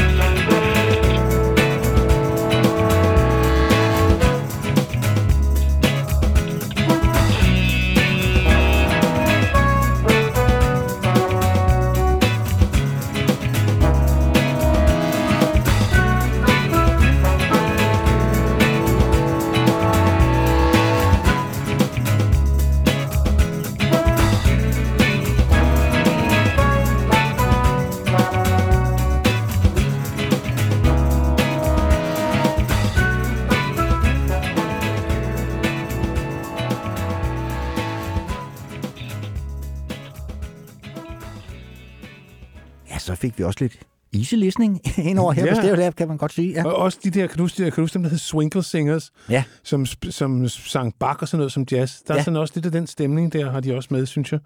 I, i det, det hele taget. Ja, øh, og så er de meget inspireret af det band, der hedder United States of America, ja. øh, som Broadcast jo også er meget inspireret af, som jo lavede noget, der lyder som Broadcast og Stereo Lab allerede i 1968, eller Det er rigtigt, 50 ja. år deres plader fra. Ja. Ja, men øh, jeg vil så sige, at jeg, jeg så en koncert med dem nede på Stengade 30 øh, i 90'erne. Hold kæft, spillede de højt. Ja. Det var, er du sindssygt. Den var jeg også til den koncert. Var du det? Ja. Det var sindssygt højt. Men det Ja. var fedt nok. Altså, det var dengang, man kunne tåle det. Ja. I dag havde jeg sikkert sagt, åh nej, det er Ja. alt for højt. Skal vi en tur til San Francisco? Ja. Og et band, der hedder Wooden Ships. Som jo spiller sådan moderne psykedelisk musik. Ja, hvad hedder det? Lederen fyr, der hedder Ripley Johnson, som jo også er inde over to andre bands, Moon Duo og Rose City Band. Ja. Hvad meget, hedder det? Meget, øh, aktiv, Meget produktiv, må man sige, ja. Og, Jeg har øh, så valgt et nummer fra deres femte album, som bare hedder Fem. Fem eller med, Bare- skrevet med et V, som også er, er sådan en fredstegn, for det er der uden på Nå, Nå, når, man, okay. når man tager hænderne op som sådan en fredstegn, Okay, så ligner der okay. også et V. Og det er, altså, det er ikke fordi, det band, jeg har dyrket virkelig meget, men lige den her plade, den fandt lige på det rigtige tidspunkt, da den udkom i 2018. Det er sådan en dejlig stenet sommerplade. Man kan godt høre, at de har hørt uh, Spiritualized for eksempel. Ja. Bare sådan lidt mere... Øh, Jamen, de, kan rock- ligesom, udgave. ligesom, de kan også godt lide, altså to akkorder, det skulle nok vinde. Ja. Altså, tager, nu har vi... Og det er sådan en plade der 2018, der så verden også ud af helvede til, så de havde lyst til at lave sådan en plade, som sådan var positiv. Ja. Og det, det, den har sådan en dejlig laid-back stemning, og det kan man også høre på det nummer, jeg har valgt, der hedder Staring at the Sun. Og det, hvis jeg nu røg rigtig meget hash, hvad jeg ikke gør mere, så vil jeg sige, at det var en god, god kogeplade, det her. Det, det, det var også det første, jeg tænkte, da jeg hørte det. Jeg tænkte, jeg har heller ikke dyrket dem før. Øh, man kan jo ikke nå det hele. Men jeg tænkte også, ja, det er sgu, det er sgu stenermusik, det er ja. Stoner rock. Ja. På den gode måde. På den gode måde, helt ja, sikkert. Så... Fordi det er samtidig let og lyst og behageligt, og ja, Ja. ja. Det, er bare, det er bare dejlig musik. Det er bare dejligt. ja. Ja. Så lad os høre Staring at the Sun med Wooden Ships fra 2018.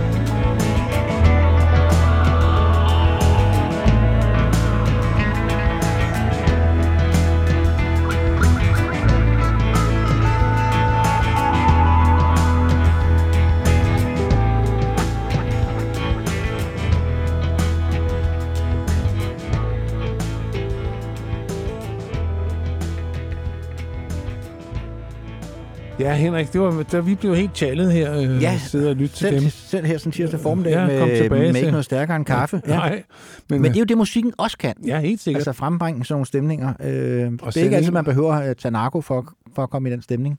Musik kan også gøre det. Helt sikkert. Nu skal vi til en sangerinde, som jeg faktisk holder utrolig meget af. Jeg har fulgt hende lige fra, hun var forsanger. ja, altså, jeg var sådan, da, da du sendte dine forslag, så tænker jeg, ah, Amy Mann, hende har vi altså spillet før, og må jeg ind og google og kigge på gamle lister og sådan noget, men, men det tror jeg sgu ikke, vi har, Claus. Jeg og det var jeg kan virkelig godt lide hende. Ja, jeg var med helt tilbage fra Till Tuesday, hendes oprindelige band, hvor som en slags amerikansk new wave, men hun trådte måske mere i karakter, da hun gik solo. Hun er jo singer-songwriter i ordets allerbedste forstand, og også en fremragende sangerinde. Blev nok mest kendt af en større øh, offentlighed, da hun lavede musikken til filmen Magnolia, hvor hun skrev ja. alle sangene på nær Harry Nilsons One, som hun jo faktisk Ja. gjorde til et hit igen. Ja, i 1999 var det, og så udsendte hun jo albumet Bachelor Number 2 i 2000, som er nok er hendes mest kendte album. Ja. Så er ret sjovt, fordi det var et album, som hendes daværende pladselskab Geffen nægtede at udsende, fordi de ikke syntes, det var kommercielt nok. Så tænkte man, så udgiver det bare selv, og så bliver det en kæmpe succes. kan de lære så det kunne de lære det, ja. Men min yndlingsplade med hende, det er Lost in Space, og det er selvfølgelig fordi, du snakker før om den der plade, der rager og lander på det rigtige tidspunkt. Altså du ved, øh, det gjorde den bare, du sådan en, vi hørte en, et halvt år eller sådan noget jævnligt. Og jeg kan fra alle sangene derpå, øh, og elsker den. Og jeg har valgt et nummer, der hedder øh, High on Sunday 51. Øh, jeg ved ikke, hvorfor der står Highway her. Øh, High, High on Sunday 51, som er sådan en slags lidt mystisk kærlighedssang. Øh, altså hun vil gerne være hans helt inde, lidt med bi og heroin, siger hun, men hun er sådan lidt tvetydig i det. Nej, og handler det også lidt om, nu er vi inde på narko før, der er også, det kan også handle lidt om stoffer, det her Ja, nummer. Sådan kan man også læse det ind. Altså hun er jo high on Sunday 51. Ja. Jeg ved så ikke, hvad Sunday 51 øh, symboliserer i, i, i hendes... Øh, i hendes univers. Øh, men man men behøver måske ikke- er det, er det man behøver søndagen... ikke forstå det hele, Claus. Nej, men jeg tænker, om det er Ja. søndagen i uge 51. Nå ja, det kunne det selvfølgelig godt være. Ja. Øh, det ved jeg ikke. Nej. Men øh, hun synger, I hate the sinner, but love the sin. Og det kan man jo godt Identificere sig med, ja. Øh, og øh, jamen, det er en rigtig fin sang for et super, super lækkert album. Ja, for i det hele taget for en, for en skide dygtig sanger. Ja. Øh, hånd, altså, hun er også håndværksmæssigt en rigtig dygtig sangskriver. Alle hendes plader, det er sådan nogle første gang, man hører dem, ah, tænker man, det er ikke noget. Tredje gang, man hører det, så tænker man, hold kæft, hvor kan det kvindemennesker, der skriver sange. Ja. Altså. Øhm, de skal bare lige have tid. Og så er de også, øh, den her plade er suverænt fedt produceret. Ja. Så det håber jeg, man kan lytte. Og hun får altså vores varmeste anbefalinger med på vejen. Amy Mann fra albumet Lost in Space, der kom i 2002.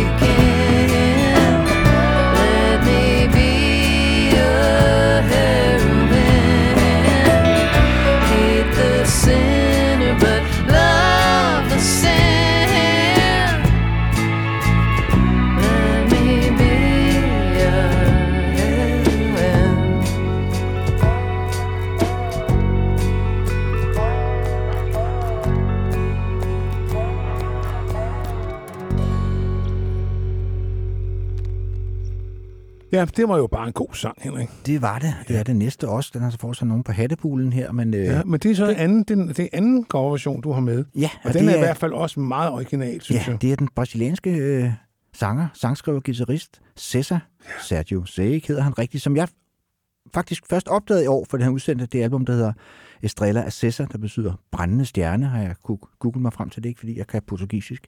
Hvad hedder det? Men jeg læste faktisk interview med ham i et af de der blade, Mojo Uncut, eller hvad fanden det var. Øh, Jeg vidste ikke, hvem han var. Hvor han blev hvad hedder det, sammenlignet med, med Jobim og Arthur Veokai og Gaetano Veloso, som jo er tre kunstnere, brasilianske, jeg holder rigtig meget af, så Ja. bliver jeg straks nysgerrig af og tjekke det album ud, og det er en skidegod plade. Det er sådan en minimalistisk udgave af Tropicalia. Øh, Jamen, han, han, han læser ikke for meget på. Nej. Det gør han altså ikke. Øh, og det var også sådan lidt avantgardistisk element, og det, er- det er sådan en, en plade, man også som så ikke gør så meget væsen af sig, men hvis man så lytter efter, så er den Ja. ja. pissegod ned i detaljen. Så brænder den så lige Ja. ja. fast, ja. Men du har valgt en, en sjov en, en Bowie-cover. Ja, for det, der kom sådan en boghyldest i 2021, Modern Love, og det er jo som det tit er med sådan nogle hyldestplader, det er øh, lidt op og ned. Men det er faktisk en af de absolut bedre, den her Modern Ja. ja. Love, fordi det er alle sammen kunstnere, som prøver at tage det et andet sted hen, og mange af dem kommer fra jazz, og ham her, som kommer fra, fra det brasilianske, kommer ligesom fra andre steder. Det er ikke rockartister. Nej. Og, og, og det gør, at de tager sangene et andet sted hen. Øhm, og ja, det kan man høre på Cessas, altså synes jeg virkelig originale øh, take på Panic in Detroit, der jo oprindeligt var på Aladdin scene. Men altså her fra boghyldsbladen Modern Love, der kom i 2021. Uh.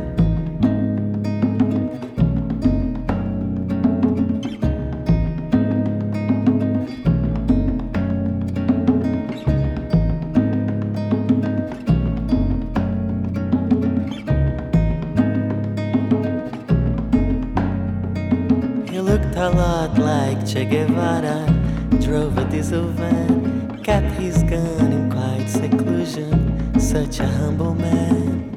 The only survivor of the National People's Gang, panic in Detroit. Asked for an autograph, he wanted to stay home. I wish someone would phone. Panic in Detroit.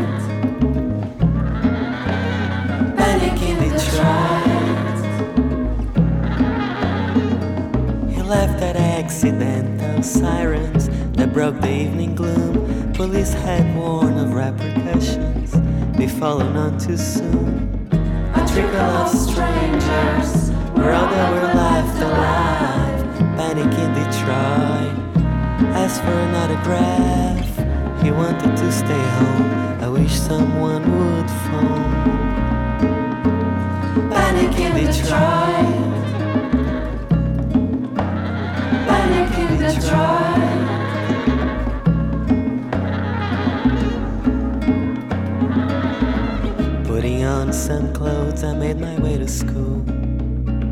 And found my teacher crouching in his own rows I scream and ran to smash my favorite slot machine and jumped the silent cars that slapped the traffic lights.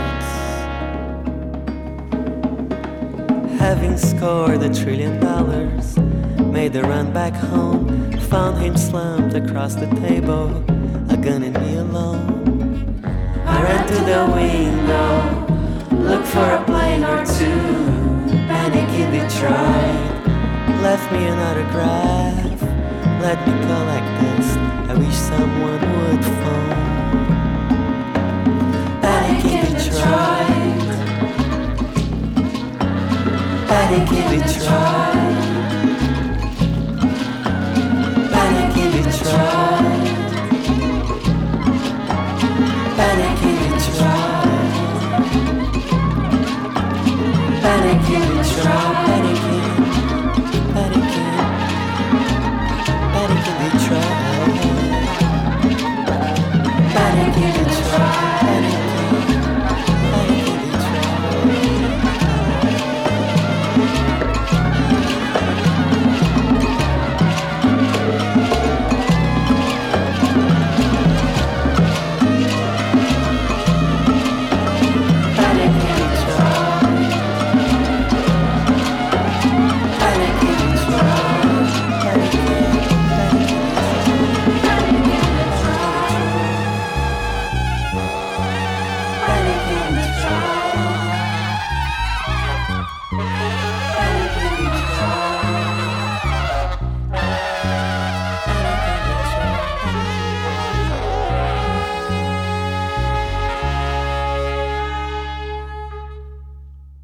Ja, normalt synger han jo på portugisisk, men det er meget charmerende engelsk, synes jeg, han, han synger på Ja. her.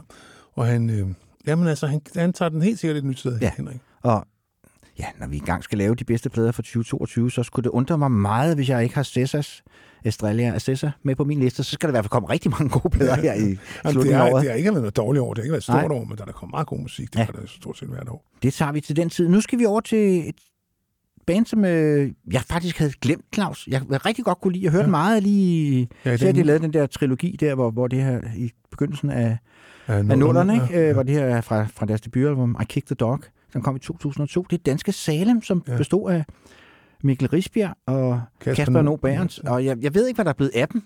Altså, de lavede en plade i 19, og jeg ved, de spillede nogle koncerter for nylig, men de, altså, de var jo aktive i 10'erne.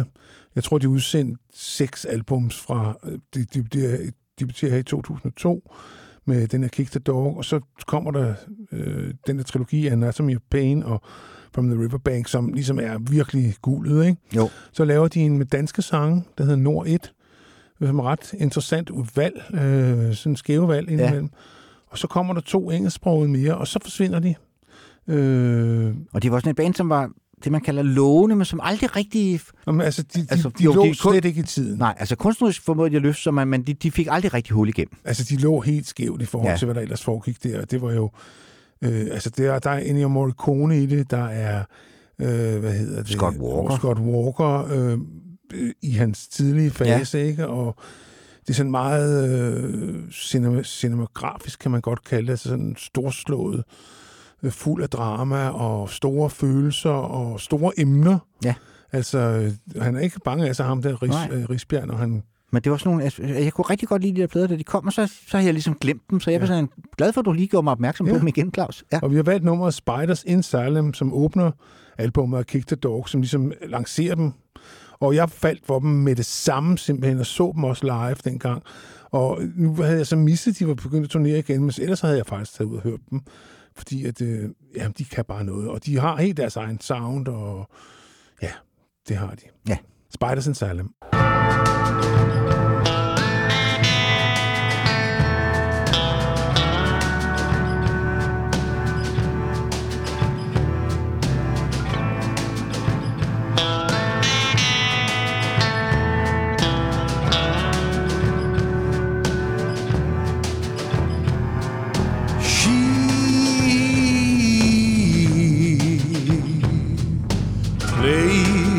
Spiders in Salem.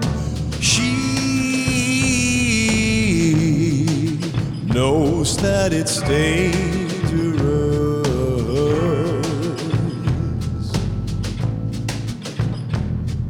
She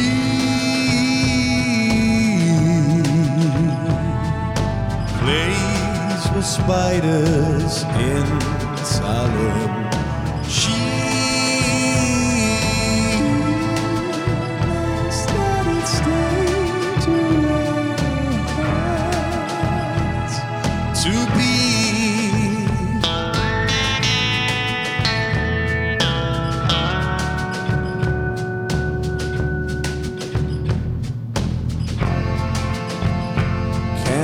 Trust a southern girl who lets no one into her world? Turn your back on the silent one. Now she is gone.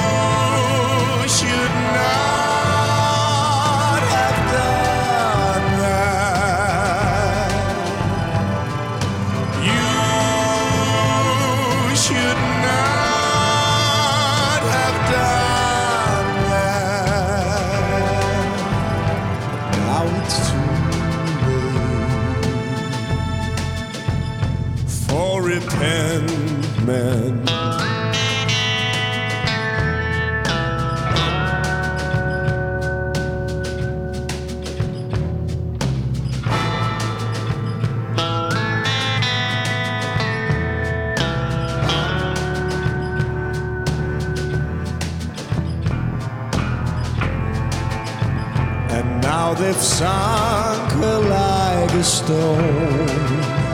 And now the hound has got the bone. Will it seize the hand and stop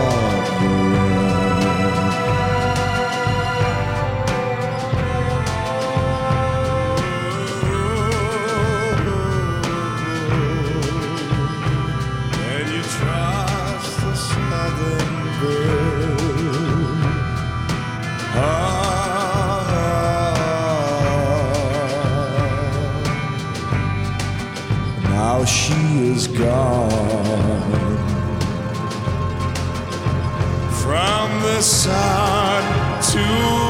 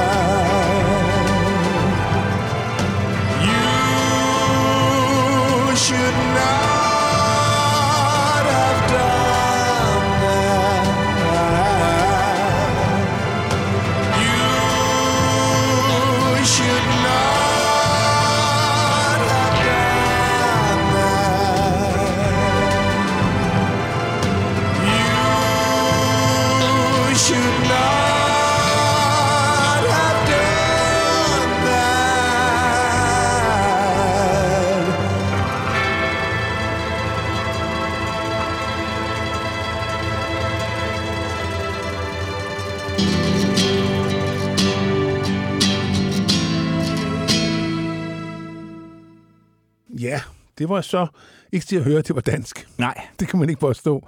Men det var det altså. Mikkel og, Ka- og Kasper hedder drengen. Ja, og så skal vi en tur til Brooklyn. Og en sangerinde, som jeg også har opdaget sådan relativt for nylig. Cassandra Jenkins. Jeg kendte hende ikke. Hvad hedder det? Hun lavede to album. Det første gik hen over hovedet på mig, men jeg er ret glad for det der album, der hedder An Overview on Phenomenal Nature, der kom i 2021. Som jeg faldt over, og, og jeg, jeg, jeg kan du ikke bare, der var som bare sådan en stemme, der talte til mig. Jamen, det er der jo nogle gange. Ja. Ja. Og så er det jo produceret ingen ringer end Josh Kaufman, hvis fremragende band Bonnie Light Horseman jo lige har udsendt et nyt album. Dem, det, hvis ikke du kender, så skal du tage og tjekke det ud. Jeg, jeg kender godt deres første, men jeg kender ikke deres nye. Men der er lige kommet ja, en ny, og okay. det er nummer to der. Øh, og, og han, øh, det skader jo ikke sagen, og han er god, god, God producer indover. Nej, øh, det gør det sgu ikke. Øh, og øh, Michelangelo hedder nummer, du har valgt. Ja, og hun, altså, det er jo ikke, fordi hun på nogen måde opfinder den dybe tallerken, men det behøver man heller ikke altid at gøre. Nå, men hun minder meget om, nogle de der Courtney Barnett og hvad de hedder, altså den, der nye generation. Ja, Phoebe yngre ja, og ja, alle de der, ja. generation af kvindelige sanger. Ja. Det, hun er familie med dem i hvert fald. Ja. Og det er jo ikke det værste. Nej. Ja, men så lad os høre Michelangelo, der blev udsendt som single, men altså også er at finde på det anbefalesværdige album An Overview on Phenomenal Nature, der også har et søster øh, album, der hedder An Overview on An Overview on Phenomenal Nature, okay. som, er, som er sådan demoindspilninger til, Nå, til, okay. til sangene. Og det, det er meget sjovt, men det er det rigtige album, man skal gå Ja, efter. selvfølgelig. Ja. Og nogle gange er demoen jo bedre, men ja, ikke altid. Ikke altid. Ikke i det her tilfælde. Og det har måske nok noget med producerne at gøre, som du siger. Ja, ja. ja. Så lad os høre Cassandra Jenkins, Michelangelo. I'm a three-legged dog working with what I got, and part of me will always be looking for what I lost.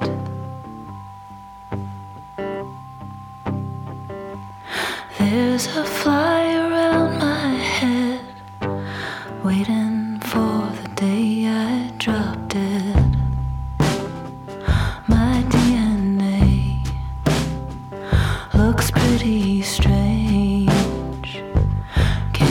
see it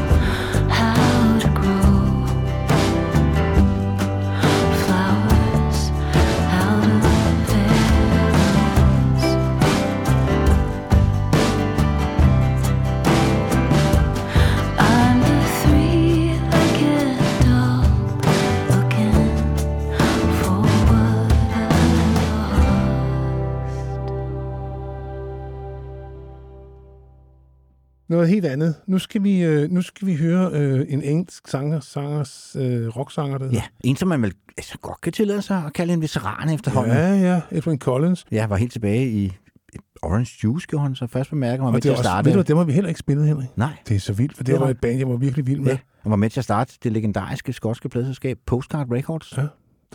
Men denne her, denne her plade, øh, der hedder Losing Sleep, har sådan en speciel betydning for mig, fordi jeg var jo selv syg en overgang, og var jo længe om at komme mig.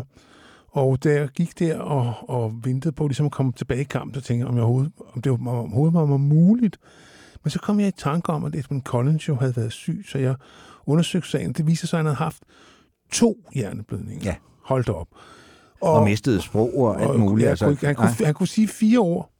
Han kunne sige yes, no, uh, Gabrielle, det var hans kones navn, og så The Possibilities Are Endless. Det var de, hvad Okay. han kunne sige øh, i, i lang tid. Det var alt, hvad han havde af sprog. Og øh, så kom han så simpelthen, altså, fordi han genoptrænede, han ville tilbage. Og da han Ja, så jeg tror, laver, der er lavet faktisk en, en dokumentarfilm om den der, hans, Ja. hans kamp for at komme tilbage til livet. Ja. Ja. Så laver han så den der plade i 2010, der hedder Losing Sleep, og den bliver han lavet, det er sådan en, øh, øh, hvad hedder det, ligesom de der film, øh, Lars von Trier, hvad var det, de kaldte dem? Øh, Dogme. Ja, der var dogme, at øh, de skulle indspille en sang om dagen, og en dag for ham, på det tidspunkt, det var fire timer. Så musikerne kom ind og lærte sangen, og når de gik, så skulle sangen være i kassen. Det var ikke hvem som helst, Johnny Marr og alle mulige var inde Ja. Roddy Frame fra... øh, Fra Aztec Canyon, ja, som og også- når flere medlemmerne af Franz Ferdinand og sådan noget, så han, ja. ja. Han, han havde et godt netværk. Han havde gode venner. Det Ja. nummer, jeg har valgt, What is my role, var en sang, som betød rigtig meget for mig, der hvor jeg gik rundt og ikke rigtig vidste, hvad der skulle ske. Ja. Og det har jeg skrevet sammen med Ryan Jarman, som også spiller gitaren fra The Crips. Øh, og øh, den, så pladen er meget som det her nummer. Det er virkelig rock and roll, der bliver simpelthen smadret ud af højtalerne. Ja, og Edwin Collins, hvad er det, hans store hit hedder, Claus? Uh, I never met a girl like you before. Ja. Det kan man simpelthen høre på monoradioen en gang med. Ja. Men det er vist også hans eneste hit, tror jeg, hvilket en er lidt mærkeligt, fordi han er ret god sangskriver. Ja. Uh, men det her nummer, det er jo sådan et nummer, som, ja, det talte bare til mig. Uh, og alle sangene, kan man sige, på Losing Sleep, jamen de, de på en eller anden måde behandler den situation, han befandt sig i. Altså, øh, øh, også en sang om, hvor meget han keder sig, og altså, det var kedeligt, det er at være syg, og at han ikke kan sove, og altså alle de der ting, men han, han går til det med brask. Der er ikke noget Det selvmedlidenhed Nej. overhovedet. Og han, her der stiller han jo det store spørgsmål, Claus. Ja. What is my role?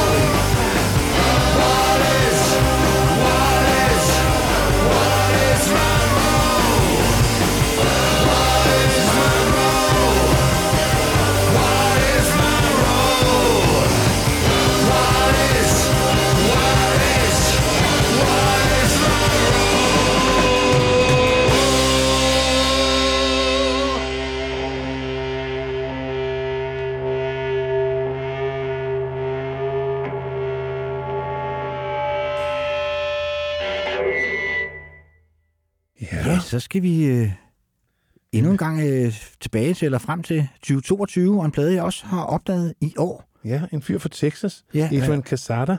hvad hedder det, som er guitarist også i, i bandet Black Pumas, som er sådan en neo-soul-orkester, der ikke siger mig så meget. Jeg kan godt høre, de er dygtige, men det siger mig ikke så meget. Men han lavede en plade, der hed Boleros Psychodelicos. øh, og han er opvokset, som sagt, som sagde, i Texas i byen Laredo, som ligger lige på grænsen mellem Mexico, Mexico og, og USA. Og det kan man tydeligt høre på den her plade, fordi det er sådan en plade, hvor han, øh, han sidder, han kører i en bil, og så hører han pludselig et nummer på natradioen, og tænker, hvad fanden er det? Og der er jo den der tradition, der hedder, øh, tradition, der hedder boleros, som øh, i hedder det, Latinamerika. Og der var sådan i slutningen af 60'erne, der kom der sådan nogle unge folk, der kastede sig over den der boleros, som så kaldte det balladas, fordi der var sådan noget psykedelisk ind over. Ja.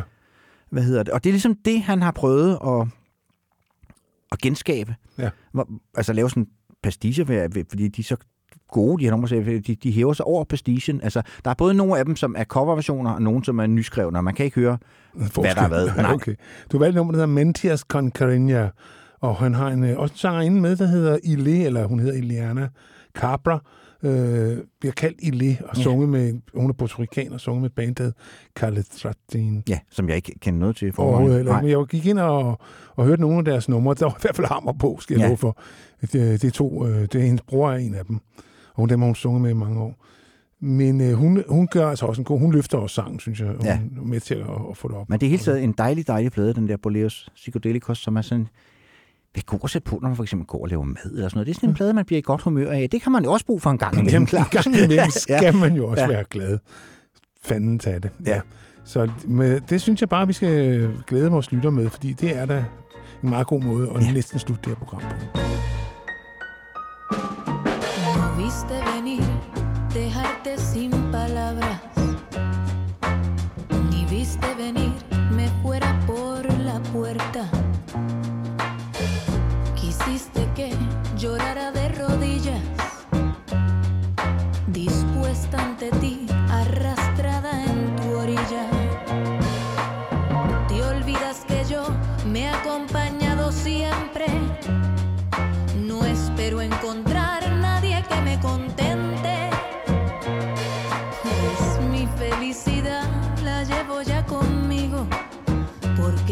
Suficiente, aunque esté sin ti.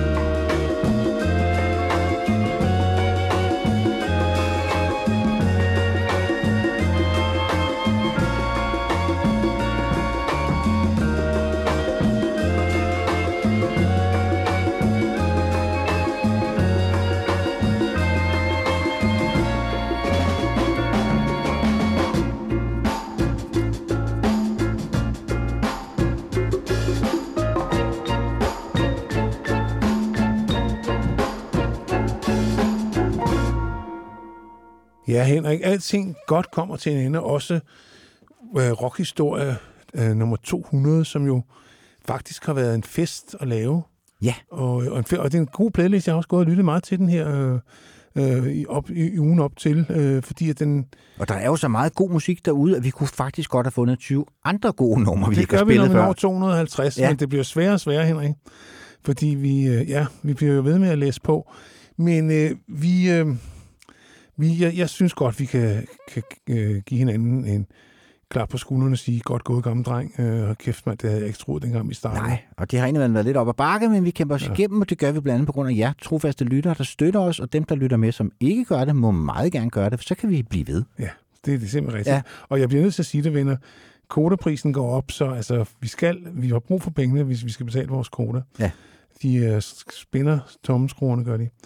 Men øh, ja, sådan er det. Det kan vi jo ikke rigtig gøre noget Nej, ved. og det gør du, som jeg nævnte indledningsvis, ved at gå ind på heartbeats.dk og finde rockhistorie frem, og så er der sådan en knap, du kan støtte på, og så, så, så fremgår der, hvad man Og ja, ellers skal og, foretage og, sig. og vi trækker kun penge, når der bliver lagt en ny op. I kan stadigvæk høre alle de gamle fuldkommen vederlagsfrit. Vi slutter i Birmingham i England med Talia Debret Barnett hedder hun, men hun er mest kendt som FKA Twix, øh, som er en øh, af det, i den der eksperimenterende ende af R&B, som, hvor der sker rigtig meget spændende i de her år. Det er ikke, fordi det er så nyt, den er fra 2014, men Hun den har lige udsendt et album, uh, Capri Songs her i 2022, ja. Ja. som jeg så ikke har fået lyttet til endnu, må jeg. Det er jeg heller ikke. Jeg, jeg er stadigvæk meget vild med hendes første plade.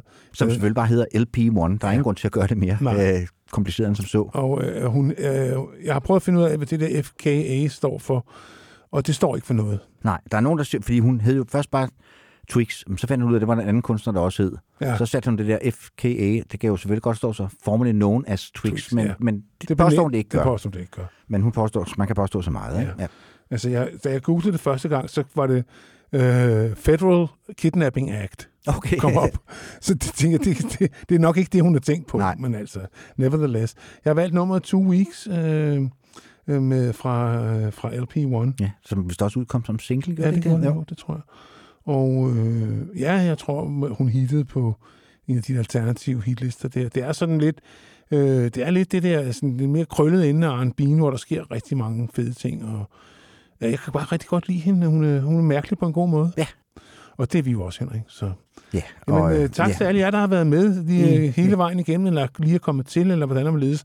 Og hvis man lige er kommet til, så ligger der som sagt rigtig meget derude, og og man kan lytte hvis du til. kender nogle musikglade venner, som ikke kender os, så må du da gerne anbefale os derude. Ja, det kan kun gå for langsomt. Og øh, jamen, det har været en fornøjelse, og vi siger, siger på genhør, og pas på jer, og her kommer Two Weeks med FKA Tweaks. Tweaks fra 2014.